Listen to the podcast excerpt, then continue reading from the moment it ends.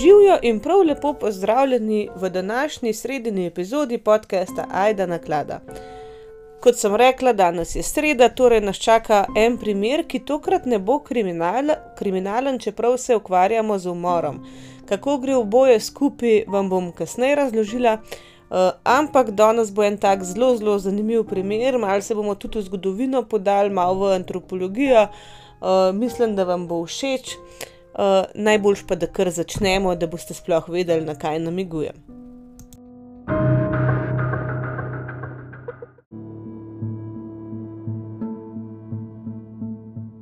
Danes se bomo pogovarjali o enem plemenu, zelo zanimivem, ki pa spada v skupino plemen, ki niso v stiku s civilizacijo. Zdaj besedo civilizacija bom jaz od zdaj naprej v bistvu uporabljala za ta naš zahodni svet, se pravi za to, kar mi živimo, ne? Eh, ker ne, se tudi to, kakršna koli družba je v bistvu skoraj civilizacija, ne eh, kakršna koli družbena ureditev, zato nočemo mi zdaj njih kot necivilizirane označati, ne? ampak da bo lažje govoriti, se pravi civilizacija, jaz mislim, ta naš, naša zahodna. Ne? V glavnem, cela skupina plemen obstaja ki se do današnjega dne so se uspela tako izolirati, da dejansko niso v stiku s civilizacijo. Uh, se pravi, živijo na tisoče let na enak način, z enakimi urodji, z enakimi dobrinami uh, in običaji. Uh, zdaj, ker pač niso v stiku s civilizacijo, se ne ve točno, koliko teh plemen je. Zdaj nekako uh, ocenjujejo, da jih je nekje med 100 in 200. Uh, in da naj bi nekako bilo teh ljudi znotraj teh plemen približno 10 tisoč. Um, največ, največ teh plemen je v Južni Ameriki, tam na področju Amazonskega pragozda, uh, se pravi Brazilija, pa dol v Peruju tudi. Uh, in pravijo, nekako to so že mačkam bolj raziskali, da. Um, je teh plemen v Južni Ameriki samo med 77 in 84. E, kako sploh vemo, da obstajajo um, podatki o teh plemenih, pridejo predvsem iz uh, kontakta z drugimi sosednjimi uh, plemeni, ki so recimo v stiku s nekako oblasti ali pa z drugimi ljudmi. Uh, pol tudi, recimo, kakšnimi ponesrečenimi kontakti s uh, kakšnimi pač sploh ljudi iz celine ali pa kaj, o čemer bomo pa kasneje še govorili. Veliko pa je zdaj tega iz, uh, posne, zaradi posnetkov iz zraka, ne se pravi, ko so z raznimi avioni, z droni in tako naprej posneli v bistvu do zdaj, a ne nemogoče, nedostopne dele in videli, da tam neki ljudje živijo. Zdaj, kakšna je nekakšna definicija plemen, ki pač niso v stiku s civilizacijo, uh, je zelo tako. No? Ni čist jasno določen, ampak to so v bistvu domorodna plemena, domorodci, ne, ki so do, danasen, do današnjega dne uspeli ostati izolirani, ki so uspeli ohraniti svoj tradicionalni stil življenja in v bistvu oni delujejo kot družbe v malem, čist ločeno od kakršne koli politične ali pa vladne entitete. Se pravi, oni ne spadajo pod nobeno vlado, pod nobeno politično ureditev, oni imajo svoja pravila svoje zakone in svoje družbe v resnici. Ne? In znotraj te družbe pač oni kakorkoli že uh, delujejo. Ne? Zdaj, uh, evropska kolonizacija sveta, ne se vemo, kdaj se je dogajala, potem po odkritju Amerike in tako naprej, uh, je v bistvu večino teh um, plemen nekako privedla do kontakta s temi evropejci, takrat najprej, se pravi, z ljudmi, ki so se naseljevali, ki so raziskovali. In uh, večina uh, teh plemen, tudi teh, ki so zdaj še vedno ne. Um, Ki še vedno niso bile v kontaktu, v resnici, ne, uh, je bila na neki točki v nekem stiku. Se pravi, mislim, da ga ni plemena, ki ne bi na neki točki prišel v nek stik uh, z pač, drugimi ljudmi, ampak uh, v resnici je pač nekako um, definicija teh plemen, tudi glede uh, človekovih pravic, ne raznih organizacij za človekove pravice, to, da so to v bistvu uh, domorodni ljudje, domorodna plemen, plemena v uh, prostovoljni izolaciji. Se pravi, da so se oni sami odločili, da se ne bojo pač nekako pridružili neki družbeni ureditvi, da ne bojo nekako sprejeli nekih novosti, nekih orodij, načinov življenja. ampak uh, pač oni zavračajo kakršen koli kontakt uh, s komerkoli drugim izven pač svojega lastnega plemena. Se pravi, tudi ljudje, ki so že bili kdaj v kontaktu, tudi plemena, ki so bila v kontaktu z drugimi ljudstvi, narodi in tako naprej, in so se recimo odločila kasneje, da ne, da grejo pač nazaj v to svojo izolacijo, v svoje okolje, nekako spadajo uh, med ta plemena, ki so pač ne, kako bi rekel. Um, zdaj v angleščini je uncontacted people, a ne. Pri nas to je zelo težko prevesti na no, plemena, ki so pač izolirana od zunanjega sveta, da jim rečem. Se pravi, um, ta termin ne, uncontacted, se pravi, ne, kako, brez kontakta z drugimi ljudmi, ne, je v bistvu bolj zato uh, v to usmerjen, da zavračajo ta kontakt. Se pravi, ne da um, niso bili nikoli v stiku z drugimi ljudmi, ampak da ta stik zavračajo, no, da jim tako rečemo.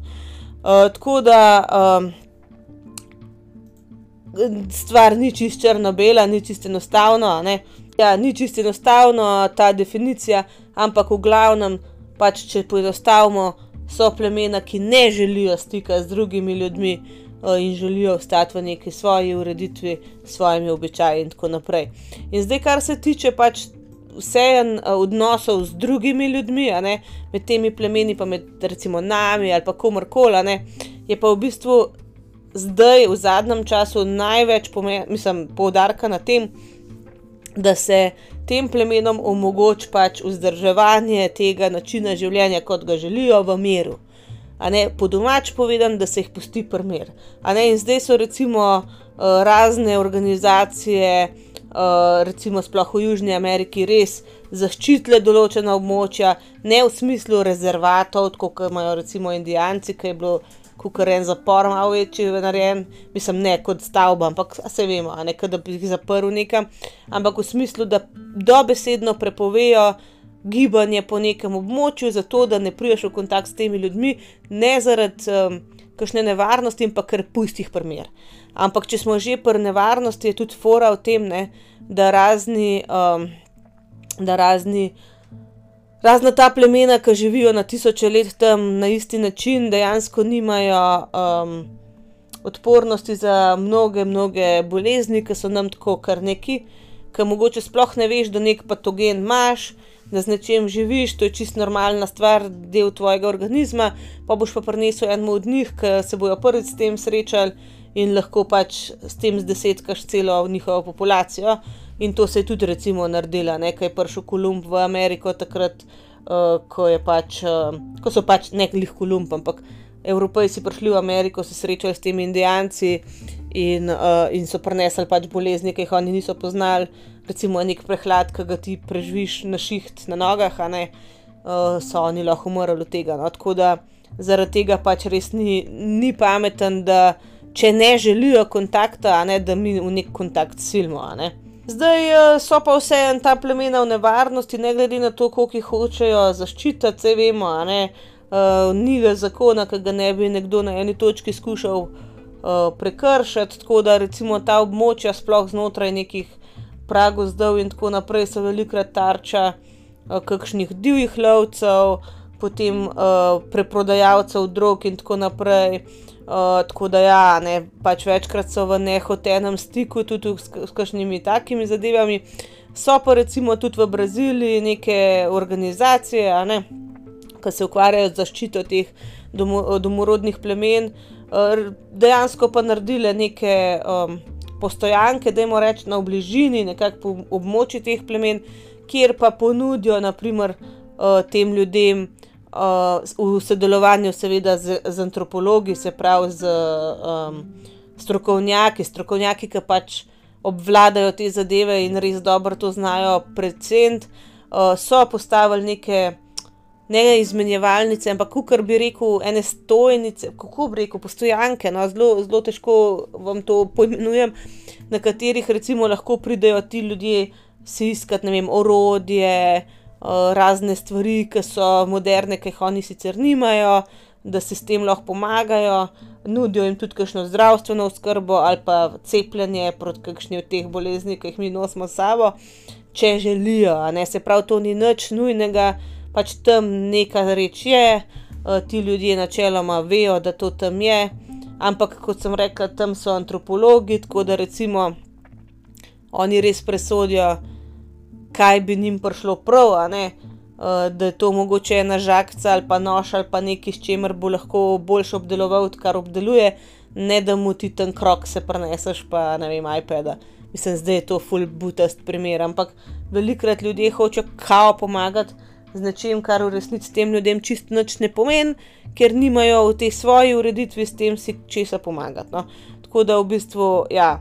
Eh, so neki primeri dobre prakse, ko je ena umestna pot, ampak načeloma je glavno vodilo vseh teh organizacij in tudi politike, a ne čistko uh, globalno gledan, da se ta plemena pusti v te po, uh, prostovoljni, seveda, izolaciji, da če oni želijo biti izolirani, pač so izolirani, da naša naloga, kot uh, te naše civilizacije, recimo, je pa, da se njih zaščiti. Se pravi, da se njim da mir, prostor, da živijo tako, kot pač živijo. In jaz mislim, da bi to moral biti tako, da bi mor morala biti to politika celega sveta za vse ljudi. Dokler ti meni ne škodaš, živi kot živiš, pač mej se v redu, jaz te pustim pa primer. Ampak žal vemo, ne, pač, da ljudje nismo tako narejeni. Zdaj, poleg tega, da je pač prepovedan hoditi na ta območja, prideti v dejanski fizičen stik s temi plemeni, je velikokrat prepovedano tudi fotografiranje v smislu iz zraka, iz dronov, iz avionov in helikopterjev, in tako naprej. Uh, sicer ljudje se tega spet ne držijo, ker itak je um, recimo zelo uh, nepriljubljeno, če, nek, če um, o nečem ne vemo ničesar, če je to nekaj zelo skrivnostnega in um, da bi pol, ne vem, ti posnel neko fotografijo, prodal nekemu časopisu. Ne? To je zelo privlačna zadeva. Ampak zakaj recimo um, nekdo bi si mislil, recimo, um, zakaj jih ne bi fotkal, kaj pa njim to škod, mi moramo vedeti, da oni recimo ne vejo, uh, večinoma, kaj je letalo, kaj je helikopter. Pač vse te stvari so njim tako, da bi mi en neznan leteč predmet videl videla, ne, ne vemo niti, kakšen je njihov, um, nekako, v kaj verjamejo, ali imajo kakšne bogove, kako koli. In večinoma, če recimo res fotkaš od tako nizka, ne, ker to eni res letijo tik na džunglo, naprimer, pa jih slikajo, uh, večinoma so videti te ljudje zelo prestrašeni. Tako da to je res v resnici nek poseg v njihovo zasebnost, pa, pa v njihovo življenje, ki je brez veze mislim, zakaj, no, pusti jih primer in to je to. Kaj se zgodi, če jih ne pustiš primer, bomo pa zvedeli v današnjem primeru.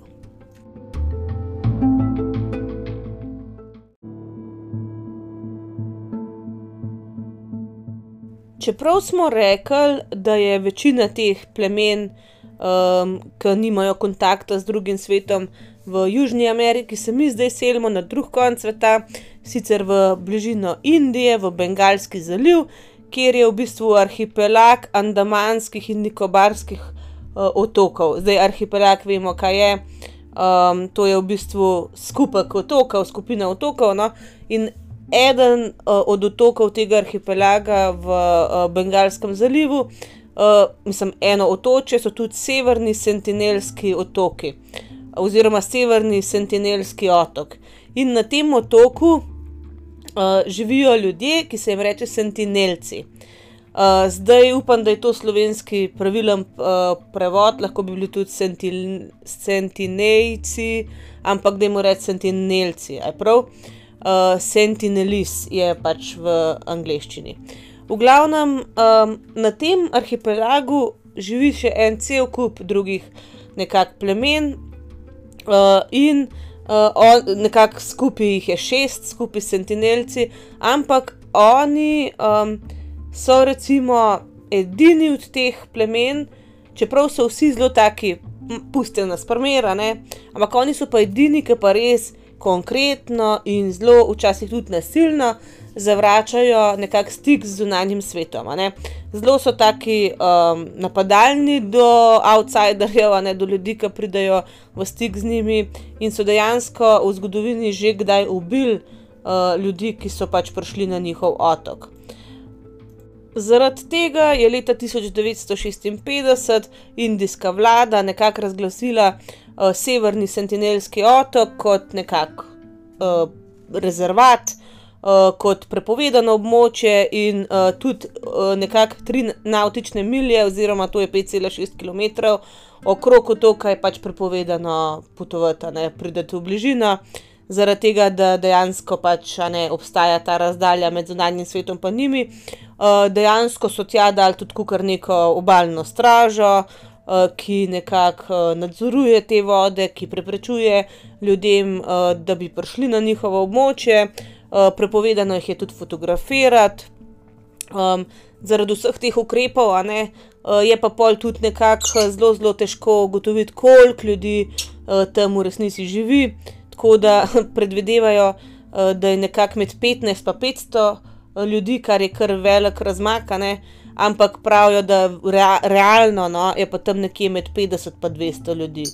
Tako da, kar zanimivo, ne, na kak način oni to sploh ugotovijo v resnici. No, kar se samega Sentinelskega otoka tiče, tako kot smo že rekli, je, eden od, Andamanskih otokov, se pravi v Bengalskem zalivu. zdaj ta otok leži približno štiriinšestdeset kilometrov, zahodno od Port Blaira, ki je pač prestolnica teh Andamanskih otokov. nekako je, velik približno devetinpetdeset cela sedeminšestdeset kvadratnih kilometrov, in, recimo petinštirideset metrov, širok pas je, obale, te peščene obale, no, mivkaste. potem, je pa v bistvu noter, na začetku neki, prehoden gozd, ki se potem v sredini otoka zgosti v zelo tak gost tropski zimzelen, pragozd, a ne. okrog otoka so koralni grebeni in ta otok je v bistvu v nekem tropskem, na neki tropski klimi, ne. V tropskem območju. Tako da si malo predstavljate, ne, v kakšnem, nekako okolju oni živijo, ali kakorkoli lahko to rečem, no. Zdaj, ljudje, ki so raziskovali te ljudi, tako bom rekla, nekaj ljudi je bilo, ki so jih, ne raziskovali, ampak opazovali, zapisovali in tako naprej, zato sploh nekaj vemo o njih, no. Ampak eden od njih, no, je bil Henrik Harrer, ki je leta tisoč devetsto sedeminsedemdeset jih pač opazoval in je povedal, no, da so, moški veliki približno od meter šestdeset do meter petinšestdeset. se pravi veliko manjši so kot recimo moški, mislim, povprečni moški, recimo belci, a ne, kakorkoli, v drugih delih sveta so skoraj povsod višji, no. in je rekel, no, on, da predvideva, da bi to lahko bila ta neka, izolacijska, pritlikavost, no, ke se pojavi velikokrat na teh izoliranih območjih, se pravi na raznih otokih. To se je tudi pri živalih pojavljalo, recimo na enem otoku so bili sloni kasneje toliko majhni, toliko manjši. Zakaj do tega pride, ne vem, ne. Najbrž kaj tudi genetika pa tudi to, da ne rabijo biti za neke velike površine ali kaj, jaz ne vem, no, ampak oni so občutno manjši, ti ljudje. imajo pa zelo, zelo temno, skoraj črno kožo, zelo dobre zobe imajo večinoma, nobenih znakov debelosti ni pri njih valjda in zelo mišičasti so ti ljudje, tako da, da si malo predstavljate, kako izgledajo.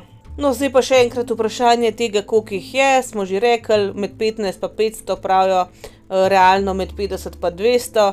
Zdaj, v popis prebivalstva, a ne, so njih tudi vedno vključili, ampak ker so ta popis pri njih delali na daljavo, a ne, sredi džungle, kako boš štel na daljavo ljudi, ne, so ti popisi zelo nezanesljivi. Recimo, leta enainsedemdeset so jih prešteli kao dvainosemdeset, potem enainosemdesetega leta jih je bilo sto, šestinosemdesetega naj bi jih bilo osemindevetdeset, potem leta dva tisoč ena uradni popis v Indiji naj bi preštel tam enaindvajset moških pa osemnajst žensk. Ampak saj sem rekla, to je na daljavo, kako to lahko sploh ugotoviš. Potem recimo, je pa prišel leta dva tisoč štiri tisti, cunami, In, um, in uh, takrat so oni seveda utrpeli tudi izgube, valjda so jih. In po tem tsunamiju naj bi uh, leta 2004 uh, 32 um, um, ljudi prešteli, pa leta 2005 13, potem leta 2011 naj bi jih samo 12 moških, pa 3 ženske prešteli, leta 2014 6 uh, žensk in 7 moških, pa še 3 otroke. Uh, tako da v bistvu leta 2016 so izdali neko knjigo, antropološko raziskavo Indije in njenih plemen in tako naprej. In tam no, so pa nekako ocenili na med 100 in 150 ljudi, ampak se pravi, jaz si sploh ne predstavljam, če ne smeš priti tja, pa če jih ne postaviš v eno vrsto, pa pošteješ, kako lahko sploh oceniš, koliko jih je. Ne. Kar se tiče njihovega načina življenja, no, so sentinelci. Um, lovci nabiralci. Se pravi, za nje velja neka, meni je to skoraj malo tako. Jaz upam, da je to strokovno utemeljeno, ampak za nje se nekako verjame v teh nekih antropoloških krogih, da jim naj bi bili zelo, zelo direkten. Um, zelo direktni potomci uh, v bistvu Homo sapiensa, tega čist prvega. Ne?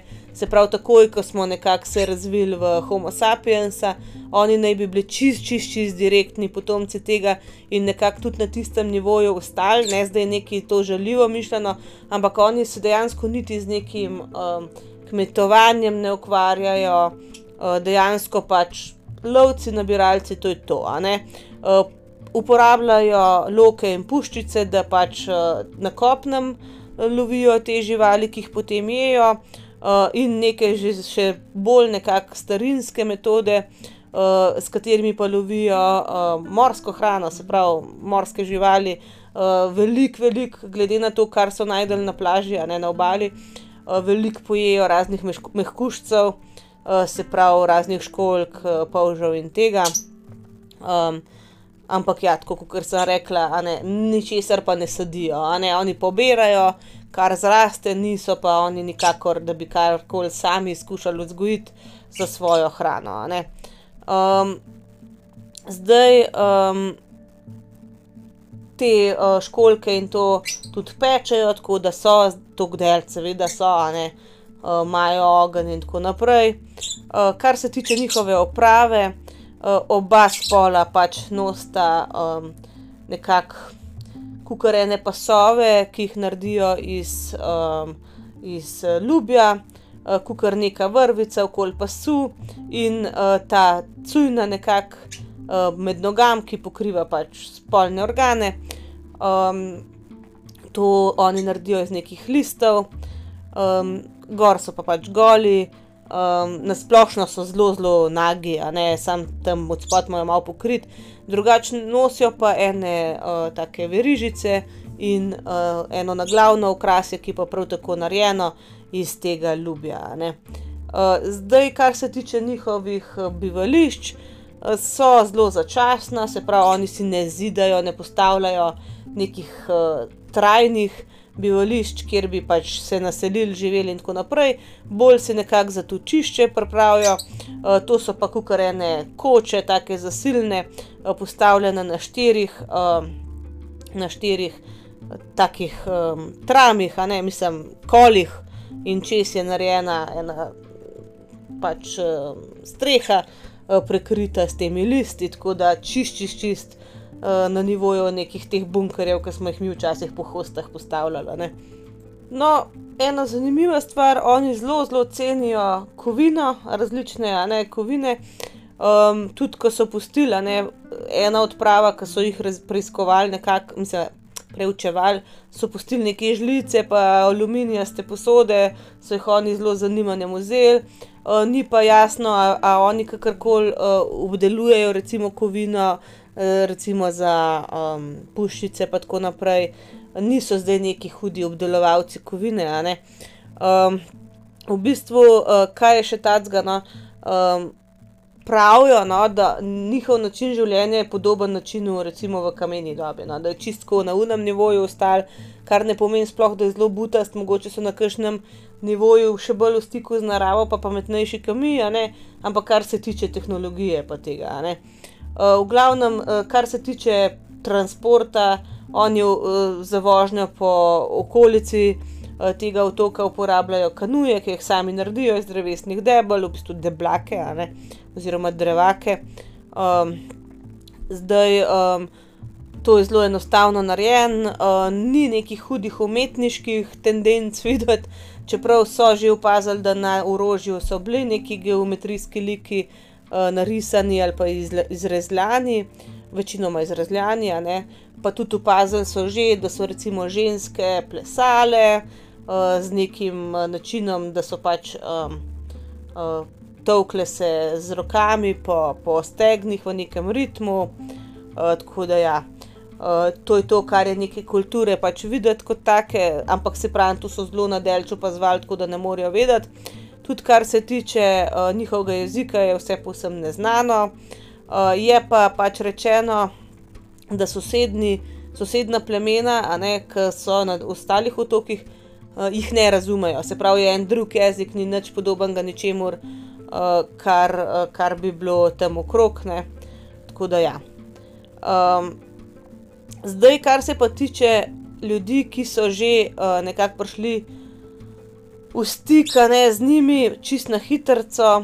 Uh, najprej je uh, pač uh, prvi stik tašen, um, bolj znana. Ne. Je bil, ko je oktober 1887 ena indijska trgovska ladja po imenu Ninive uh, v bistvu nasedla na ta nek. Um, um, koralni greben uh, na tem severnem uh, Sentinelskem otoku. Zdaj um, nekako vsa posadka, vsi, ki so bili na krovu, so šli do obale, so prišli tja varno, ker pač ladja se je potopila potem. Um, in uh, so tam na obali pač bili, a ne čakali, da jih nekdo najde. Ko so pa uh, začeli jesti uh, tretjega dne zajtrk, oni so pač stvari nekaj rešili z ladja, ne, dokler se še dal. Uh, so tam tri dni že bili in tretjega dne zjutraj, ko so jedli, so kar naenkrat bili napadeni strani golih uh, teh uh, ljudi, uh, ki so bili pobarvani z rdečo neko barvo oziroma čemer koli so imeli. Imeli so pač uh, puščice. Eh, ki, za katere so predvidevali, da so kovinske na koncu. Um, in um, dejansko um, je potem kapitan te ladje ušel s tem čovnom, zasilnim, s katerim so pač iz ladje ušli na kopno, ustavili so ne vem kako pobegnili, ne? in on je uh, bil najden kasneje uh, strani neke uh, mornarice, a ne kaj jih je tam iskala in uh, je poslal neko reševalno ekipo in rekel, da je pač nekdo nas je napadel, pojdite pogledat. Uh, te ljudje so prišli do otoka in um, so videli, ne, da uh, so ljudje dejansko preživeli, ne, te, ta posadka, da so se pač pred temi uh, sentinelci branili uh, s palcami, s kamni, nekako jih odgnali in potem niso več prišli nazaj. Ne. Tako da v bistvu. Um, Ja, to je bil prvi stik, recimo zelo konkreten, pa tudi prvi znak, da pač ti ljudje res nočejo, nočejo z nikomer imeti nobenega upravka. Uh, leta 1967 je pa recimo bila prva taka orank odprava, ko je skupina približno 20 ljudi um, pod, um, pod vodstvom uh, T.M. Pandita, on je bil indijski antropolog. Um, in so pač delali za neko antropološko, neki, neki organizacijo indijsko. Uh, oni so bili pač poslani na severni sentinelski otok, da pač ga raziščejo in da se spoprijateljijo, ne sentinelci.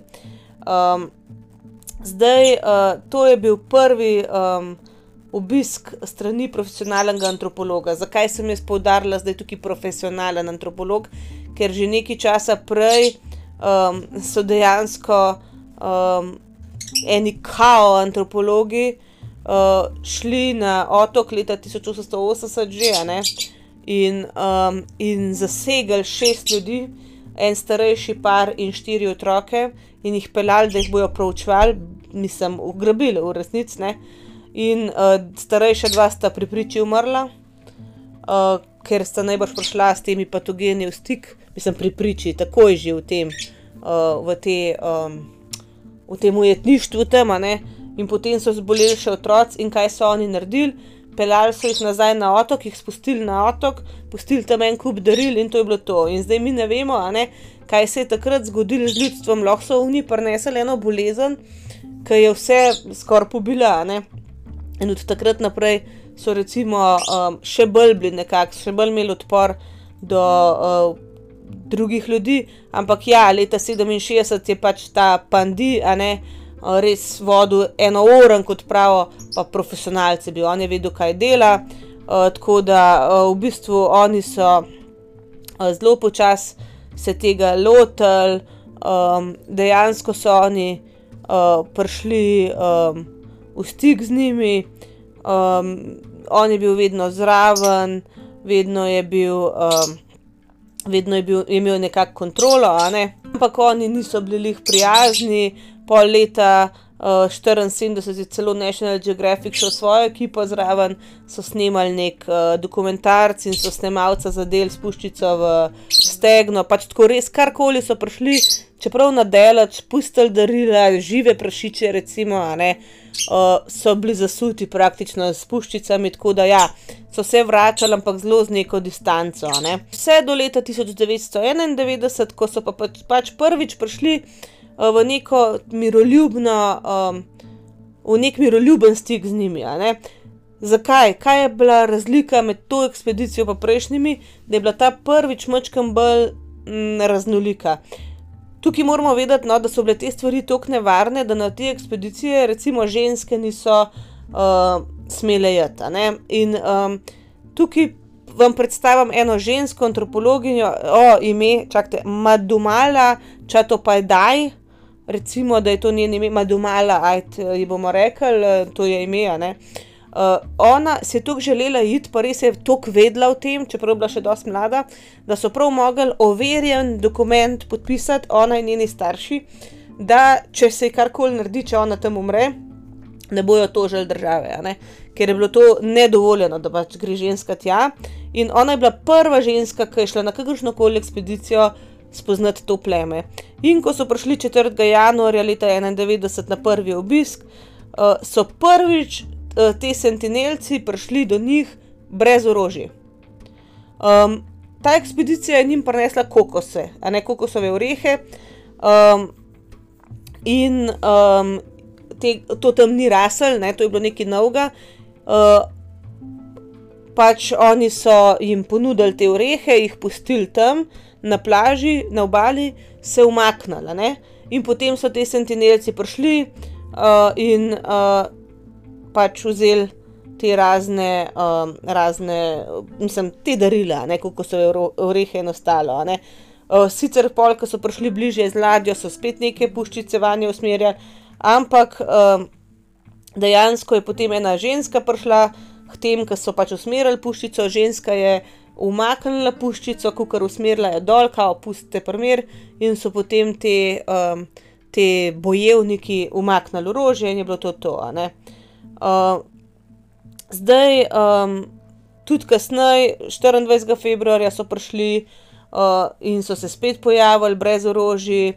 Um, vzeli so pač um, cele te vreče, koliko so jih orehov, um, tukaj so prišli pa dejansko bližje so jih opazovali, ne so celo opazovali neke puške, ki so jih imeli v, v teh uh, čovnih, s katerimi so prišli do obale. Uh, ampak je rekla ta um, ženska, kako smo rekli, da je ime, oh, vidiš, sem že izgubila, uh, Maduma, Madumala. Je rekla, da se je njej zdel bolj, da jih je zanimala ta kovina, iz katere je bila puška narejena. Ker pač m, kovino so imeli radi, sem niso jo znali kopati pa obdelovati. Tako da tukaj um, so dejansko um, videli, no, da so znajo biti oni prijazni do drugih ljudi. Ampak najbrž je bilo bolj to fora, da so videli, da so samo moški prišli, da so to dojeli kot nek napad ali kaj, pač, kot da so bojevniki, ne vejo. No. Uh, v glavnem, kar en kup teh ekspedicij se je potem nadaljeval do leta 1994, uh, dejansko so skušali uh, na eni od teh ekspedicij tudi uh, po, posaditi kokosove orehe na, na otoku, mislim pač kokosove palme, uh, ampak potem so nekako um, opustili ta program. Zaradi tega, no, um, ker potem, ko ona ni več hodila z njimi, ne, ta ženska, so nekako začeli spet zavračati. Ne? Tako da mi ne vemo, kaj je ona imela, zakaj je imela ona lahko ta stik, ampak nekaj je bilo na njej, da je pač res lahko vzpostavila stik, ampak po tistem uh, dejansko. Um, um, Niso več uh, dovolili niti stikov, in so nekako razglasili, kot smo rekli, to območje za prepovedano. Um, zdaj, um, še ena stvar, ki jih je zelo zaznamovala, je bil pač ta tsunami leta 2004, um, to smo že tudi povedali, um, in tudi pol kasneje, ne, ki so jih uh, šli malo preveriti, kako je z njimi, ne, se pravi iz zraka, so bili zelo tako napadalni do letal, so streljali v letala. Puščice in tako naprej, se je videl, najbolj so dojeli to še kot neka višja sila, ker kot kaj so oni razumeli tsunami, mislim, bogi, reveži. Uh, Uh, po je bil pa še en primer, ki so v bistvu 27. januarja 2006 uh, se je zgodila ena nesreča, pač indijska, um, dva indijska um, ribiča, Sunderaš pa Pandit Tiwari, uh, sta ho, uh, hotla pač ilegalno loviti neke rake na tem severnem sentinelskem otoku. Ona dva sta pač um, takrat. Um, zasilno nekako se zasidrala tam.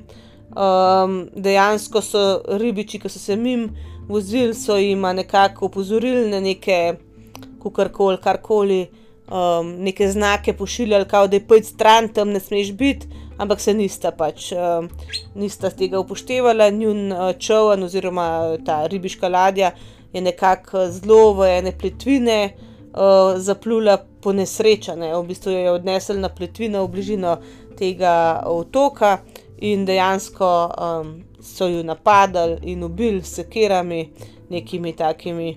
Uh, in ne, pravijo, da so dejansko potem nabili ta dva trupla na ene bambusove palce in jih postavili tako, da sta bila usmerjena proti morju, kot recimo strašilo. In čez tri dni kasneje Uh, mislim, to so jih takoj tako postavili, tri dni kasneje pa prišel nek helikopter, takrat so jih pa že pokopali. No. Tako da v bistvu um, ni bilo zdaj, da jih oni tam neki ne, izpostavljajo, so potem vedno pokopali ta trupla, ampak na začetku so jih pa izpostavili kot opozorilo. No, in nekako so skušali ta dva trupla uh, dobiti, da bi jih pokopali, uh, ampak so streljali v vse možne, v helikopterje, v avione. Tako da nič, nič, nič. Um, več, um, so rekli, nič več, nobenega stika, to je to, fertik, a ne. In ne hodite tja, ker boste umrli, ampak obstaja pa en moški, ki se je na to informacijo povsem požvižgal.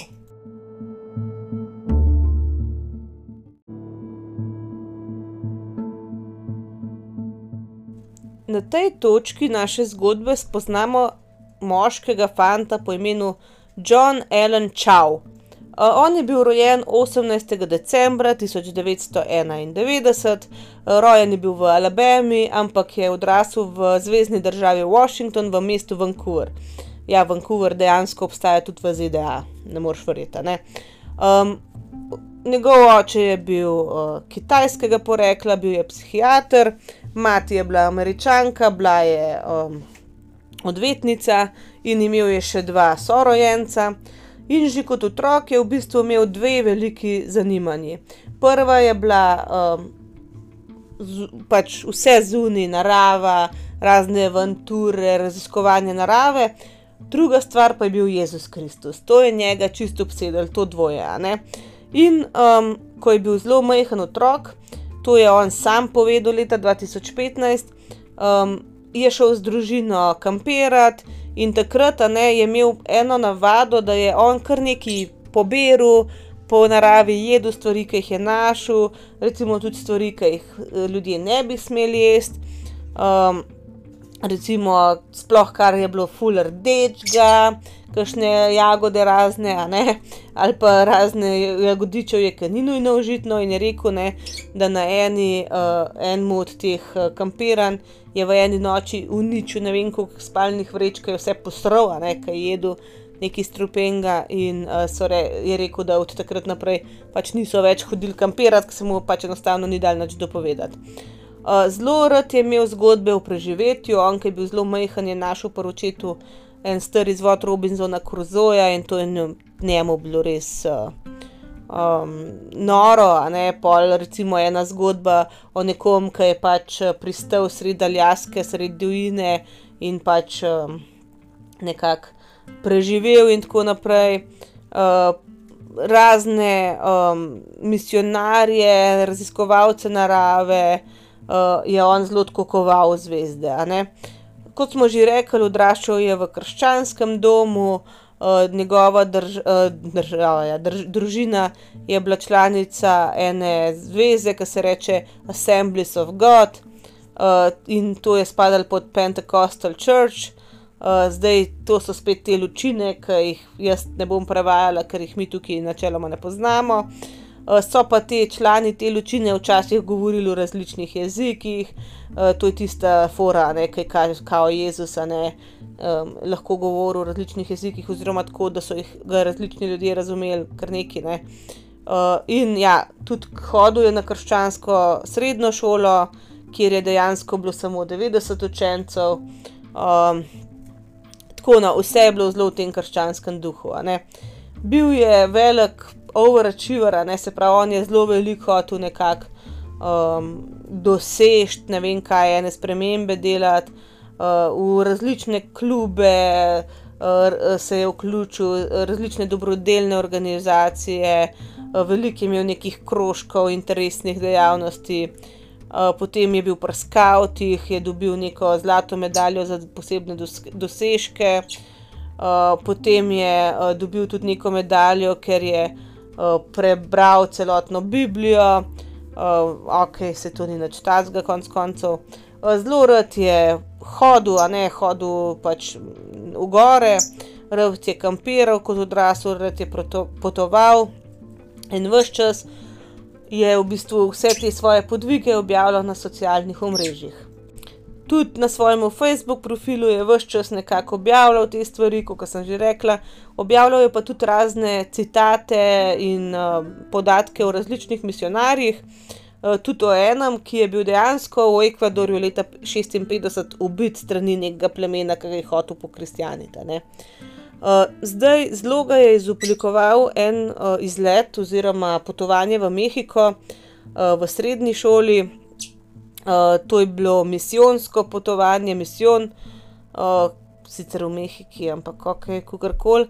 In ko se je pač uh, vrnil ne, iz Mehike, je povedal, da um, ne moramo um, biti mlačni glede svoje vere, da je treba vero res glasno in jasno zagovarjati. Uh, da pač so tam uh, v svetu vedno ljudje, ki ti nasprotujejo in ki imajo določene vprašanja in argumente proti tebi, in da recimo ne smeš nikoli iti nepripravljen uh, v svet, da moraš vedno vedeti, kaj pač, um, kaj verjameš in zakaj v to verjameš. Um, zdaj, um, čist jasno je bilo, v katero smer on gre, uh, zelo je bil boga boječ, zelo je imel rad. Uh, naravo, bil je pač obseden s tem, da je neke ekstreme vse čas iskal in je bil zato idealen kandidat za misionarja. Ne? To so vse ljudje, ki res ni, ne, ne radi živijo v enih uh, okvirjih te družbe.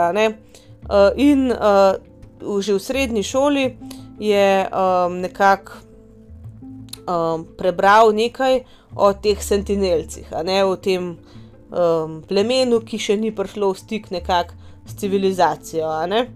On je o njih bral na enem, kako bi rekel, spletnem mestu uh, za misionarje, kjer imajo nekako zbrane vse te razne plemena, razne misije in tako naprej. Temu se reče Joša Project. Project, in uh, tam so bili oni opisani kot ekstremno izolirani, uh, in je bilo tudi jasno povedano, ne, da je indijska vlada prepovedala pač dostop do uh, severnega sentinelskega otoka. Ne. Zdaj ta spletna stran je nekako predlagala, da pač naj se moli za, uh, za te sentinelce in predvsem za indijsko vlado, ki bi nekako uh, dovolila kristjanom, da pridobijo zaupanje sentinelcev in začnejo živeti med njimi. Um, zdaj uh, tam je bilo tudi rečeno, da poleg uh, osnovne um, zdravstvene oskrbe sentinelci rabijo vedeti, da pač Bog obstaja, uh, da jih ima rad in da je umrl za njihove grehe.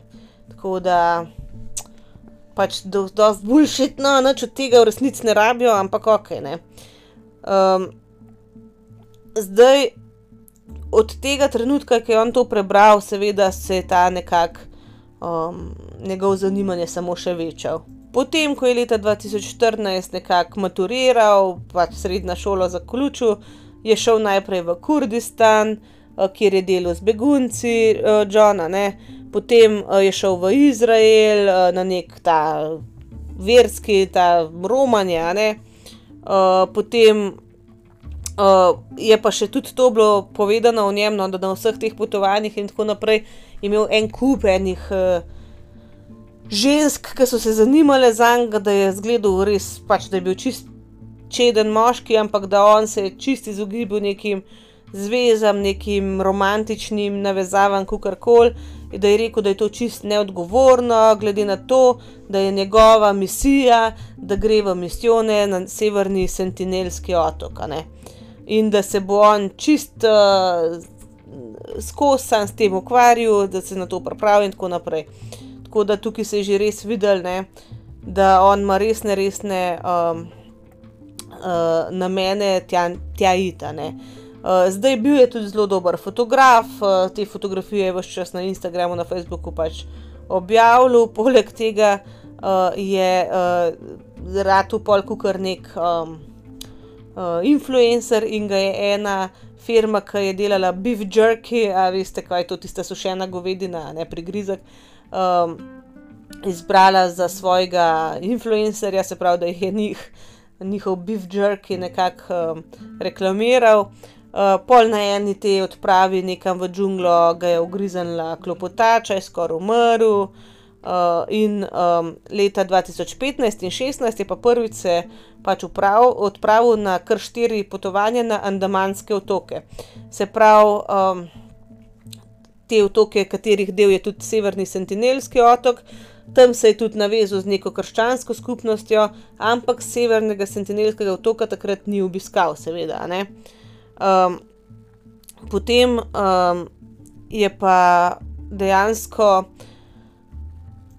prišel v en, kar, kaj jaz vem, bootcamp, ta krščanski, uh, pod neko, um, neko organizacijo, ki se imenuje All Nations. Ta organizacija je sicer uh, v Kansas Cityju in tam so se recimo um, učili, kako recimo. Jezusa častiti v vsakem možnem jeziku ali pa v takšnem jeziku, da ga pač uh, razumejo tudi tisti, ki ne, ne govorijo tvojega jezika.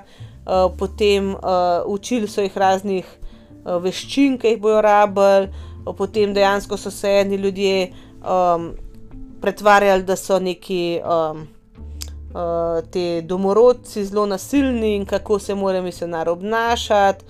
Eh, potem se je udeležil enega predavanja na Kanadskem inštitutu za lingvistiko, eh, kjer bi nekako ehm, se naučil nekako komunicirati s temi ljudmi, čeprav ne govori njihovega jezika. Eh, v glavnem, na vsak način je on imel namen, da gre tja, da, da pač bo uspešno opravil to misijo. On se je pač res več, več let.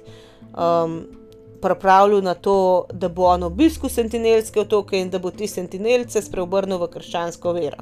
Zdaj sem tukaj za intermeco, kaj si jaz mislim. Jaz uh, sem že večkrat povedala, sem odraščala v krščanski družini, uh, še zmeraj sem kristjanka, čist uh, mi ni nič več to povedati.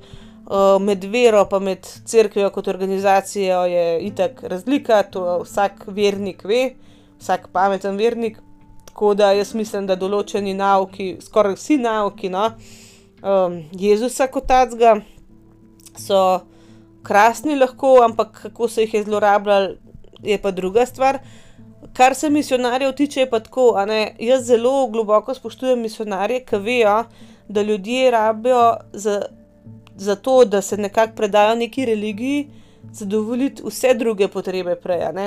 Recimo, um, vse vidimo, kaj dela Pedro Opeka na Madagaskarju.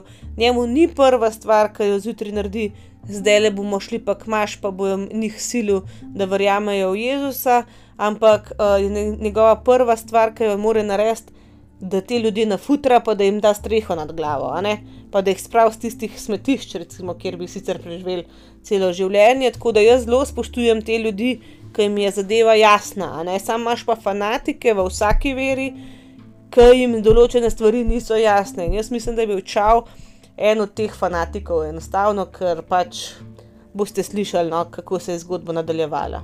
Oktober 2018 ne, je John Chow pač na turistično vizo uh, pripotoval v Port Blair, se pravi na Andamanskih otokih je to uh, njihova uh, prestolnica, kot smo že omenili, 65 km stran od tega uh, Sentinelskega otoka, severnega. In on je tam se namestil v neki kukarvarni hiši in uh, sestavil skupaj nekako, uh, kot bi rekel, en. Ne lih prvo pomoč, ampak neko, nek pakič, nek paket, ki ga bo sabo vzel um, za preživetje, ali kako koli bi rekel, recimo uh, razne uh, kartice s slikami, z, s katerimi bi komuniciral, potem um, um, imel je sabo povoje, pol ene uh, urodje za odstranjevanje puščic, če te zadanejo, in tudi uh, darila za sentinelce to so bila pa um, pinceta, uh, škarje, ena vrv oziroma en tak kabel, pol razne uh, ribiške, te, um, um, te trnke, uh, pa te um, knofalce, no, kako se to, kako se to reče, glavno take malenkosti, da jim bo nesel. Ne. Uh, vse svoje aktivnosti je zelo natančno popisoval v dnevniku in um, dejansko napisal tudi na 13 straneh en, kukar, um, kukar eno, kaj jaz vem, kako bi človek rekel, ne liho poroko, ampak en svoj testament, zakaj on to dela, zakaj pač se je odločil tako uh, in v bistvu na teh straneh v tem dnevniku tudi vemo, zvemo, kaj se je dogajalo v dneh pred njegovo smrtjo. Um, zdaj, rekel je, no, da mislim, on je napisal, da ga je bilo res zelo strah, da bi pač prenesel njim kakšno bolezen in uh, te sentinelce z njo okužil. Tako da se je pač sam sebe zaprl v, v, kar, v karanteno za 11 dni, uh, tudi brez sončne svetlobe, brez ničesar, uh, samo telovaduje, moluje. Um, in bral nekako eno zgodbo enega drugega misionarja. In zvečer 14. novembra je pač njega uh, odpeljal neki um, ribičev, ki so bili tudi kristijani in so se strinjali, da mu bojo pomagali, uh, po noč na severni Sentinelski otok. Uh, to je bilo kaznivo, seveda, z vseh strani, tudi strani teh ribičev. Uh, zato so šli po noč, da bi se izognili pač te obaljni straži, ki je čuvala ta otok.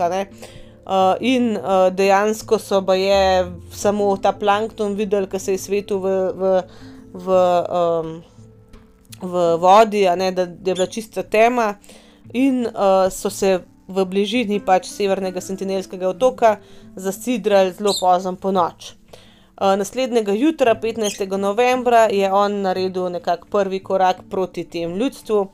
Zdaj uh, ti ribiči so se so rekli, ne, le dokler smo te propeljali, uh, naprej ne gremo, in uh, on se je slekel do spodnjega perila, uh, uh, ker si je mislil, da bo s tem nekako potolažil te sentinelce, da, da uh, pač jim noč noče in je v enem kajaku odveslal do obale. Uh, zdaj uh, videl je tam neko kočo, videl je neke kanuje in ko je pač preveslal v bližino, naj bi kar nekaj sentinelcev z obrazi pobarvanimi z rumeno barvo, z nekčem rumenim, uh, preteklo ven iz tistega gozda in da so nekako uh, upili v nekih zelo visokih glasovih. In on je vstal v tem kajaku, vstal, se pravi, da je vstal po koncu in mahal, dvignil roke, v eni roki je držal Biblijo uh, in je zaupil: My name is John, I love you and Jesus loves you. Je to zaupil ljudem, ki seveda ne govorijo angliško in bo, boli njih, da si John. Nimajo pojma, kdo je John, nimajo pojma, kdo je Jezus, a ne mislim, kaj. In kaj so naredili ti ljudje, a ne valjda, kaj napel so loke, uh, usmerili van ga puščice, on je zapaničaril uh, vrgel proti njim neki rib velikih iz te ribiške ladje, ki jim jih je prinesel kot darilo, uh, ampak uh, itek boli njih za ribe, on jih namreč najbrž ne, lahko nalovijo, kar jim paše. In je on videl, da ne, ne, ne, to ne bo pomagalo, se je obrnil in je napisal v svoj dnevnik, da še ni nikoli tako veslal, kot takrat, ki je bežal pred njimi. Um, potem, ko je prišel pač na ribiško ladjo, je ugotovil, da je v bistvu ta Biblija, ki jo je prej v rokah držal, dejansko prestregla eno puščico. Uh, in to me, mi je Bog poslal, a ne je rekel, da me je rešil pred to puščico. Uh, ampak očitno ni bilo dosti, da mu je Bog poslal tisto Biblijo, pa ga rešil enkrat. Uh, gospod se je odločil še enkrat, uh, kasneje tistega dne, uh, poskusiti ponovno. Tokrat je prišel čist do obale in pristal šel je ven uh, na plažo in je tam odložil en kup nekih daril. Um, ampak takrat no, um, so pa pač spet prišli ven ti sentinelci, začeli skakati, začeli noreti tam, spet začeli van ga streljati, on je spet tukaj zbežal. Um, in ja, um, tukaj, no, tukaj je zadev, jaz se upravičujem, prej sem zamišljal, tukaj je zadev to Biblijo, uh, on je potegnil puščico ven iz te Biblije, vrnil puščico temu človeku in hiter uh, zbežal. Ampak takrat, pač, uh, takrat so mu vzeli kajak, ne sentinelci, in je plaval nazaj do, do te ribiške ladje. Se pravi, že drugič jim je všel. Uh, ampak ja, v drugo je Biblijo, tukaj sem pomešala, se upravičujem, ampak ne bom tega zdaj še enkrat snimala. V glavnem, um, tistega večera je pač pol bil na ladji, gledal je sončni zahod in je pisal v svoj dnevnik, da ga je strah, uh, da opazuje sončni zahod in da je res lep, in da joka, ne, ker se sprašuje, če je to zadnji sončni zahod, ki ga bo videl, ampak da ga pa to laži. Da tudi če je to zadnji sončni zahod, uh, se bo kmalo preselil tja, kjer sonce nikdar ne zaide. Uh, tako da tudi napisuje, da najbrž uh, njegova družina misli, da je on čist nor, ampak da misli, da je vredno, da Jezusa predstavi tem ljudem. Uh, opisal je ta kraj kot zadnje satanovo, ne vem kaj, pribežališče, da to je še ta zadnja satanova trdnava, ki jo more on razbiti. Uh, tako da uh, hoče vsaj, da slišijo za ime Boga in da zvejo, da Bog obstaja. Um, zdaj, um, takrat. Eh, se je pol odločil, da bo naslednji šel čist sam um, na obalo, brez te ribiške ladje, um, a ne v bližini. Uh, predstavljal si je, da bo s tem manj nekako videti nevaren za sentinelce, ampak tudi po drugi strani, če bi se mu karkoli zgodil, ne bi ti ribiči rabili tega gledati, da jim ne prvoš, da bi oni to opazovati mogli. Uh, no, v njegovem dnevniku je čisto jasno napisano, da pač ne želi umreti, ampak da pač sprejema to možnost. Tako da on je pač uh, šel zjutraj 16. novembra spet proti otoku, uh, prosil je te ribiče, da ga odložijo tam samega, in um, je šel spet pač do, do obale, in to je to to je to, kar vejo o njem. Odkar so ga tam odložili, niso nič več videli. Uh, dejansko so potem um, videli te ribiči oddeleč, da nekaj vlečejo za sabo te sentinelci, te sentinelci. In ko so pogledali od bližji, so videli v bistvu, da vlečejo njegovo truplo za sabo, da so imeli pač neko kareno um, vrv okrog njegovega vrtu prevezano in so ga vlekli po obali. In kasneje mislim, da so se z nekim avionom ali z nečem čez pelali in so videli nek uh, plitek grob, uh, v katerega so najbrž njega pokopali. Zdaj njegova družina je valjda hotla, ne, da nekako dobijo truplo nazaj, da bi ga pokopali.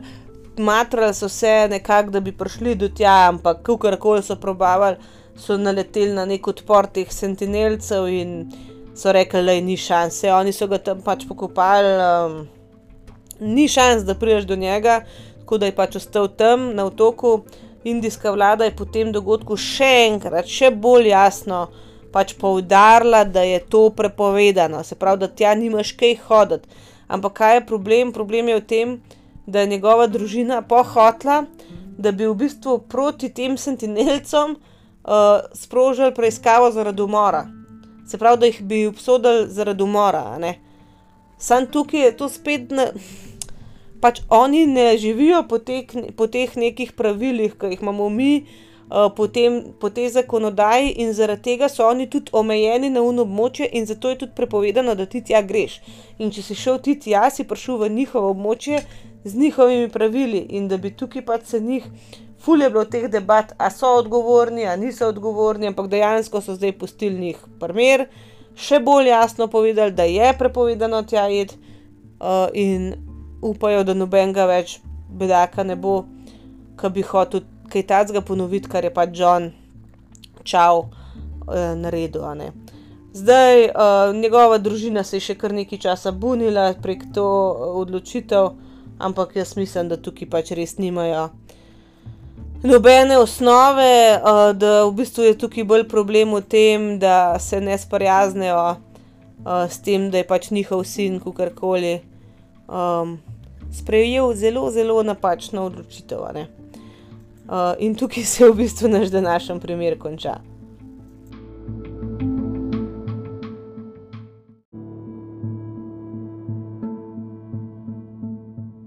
Zdaj, ta današnja epizoda je bila malo drugačna. Jaz vem, da samega konkretnega kriminalnega primera ni bilo full velik, ne? ampak meni je zelo zanimivo res te družbe, ki so še vedno ostale ločene, ki ne poznajo teh sicer mnogih, kako bi rekel človek.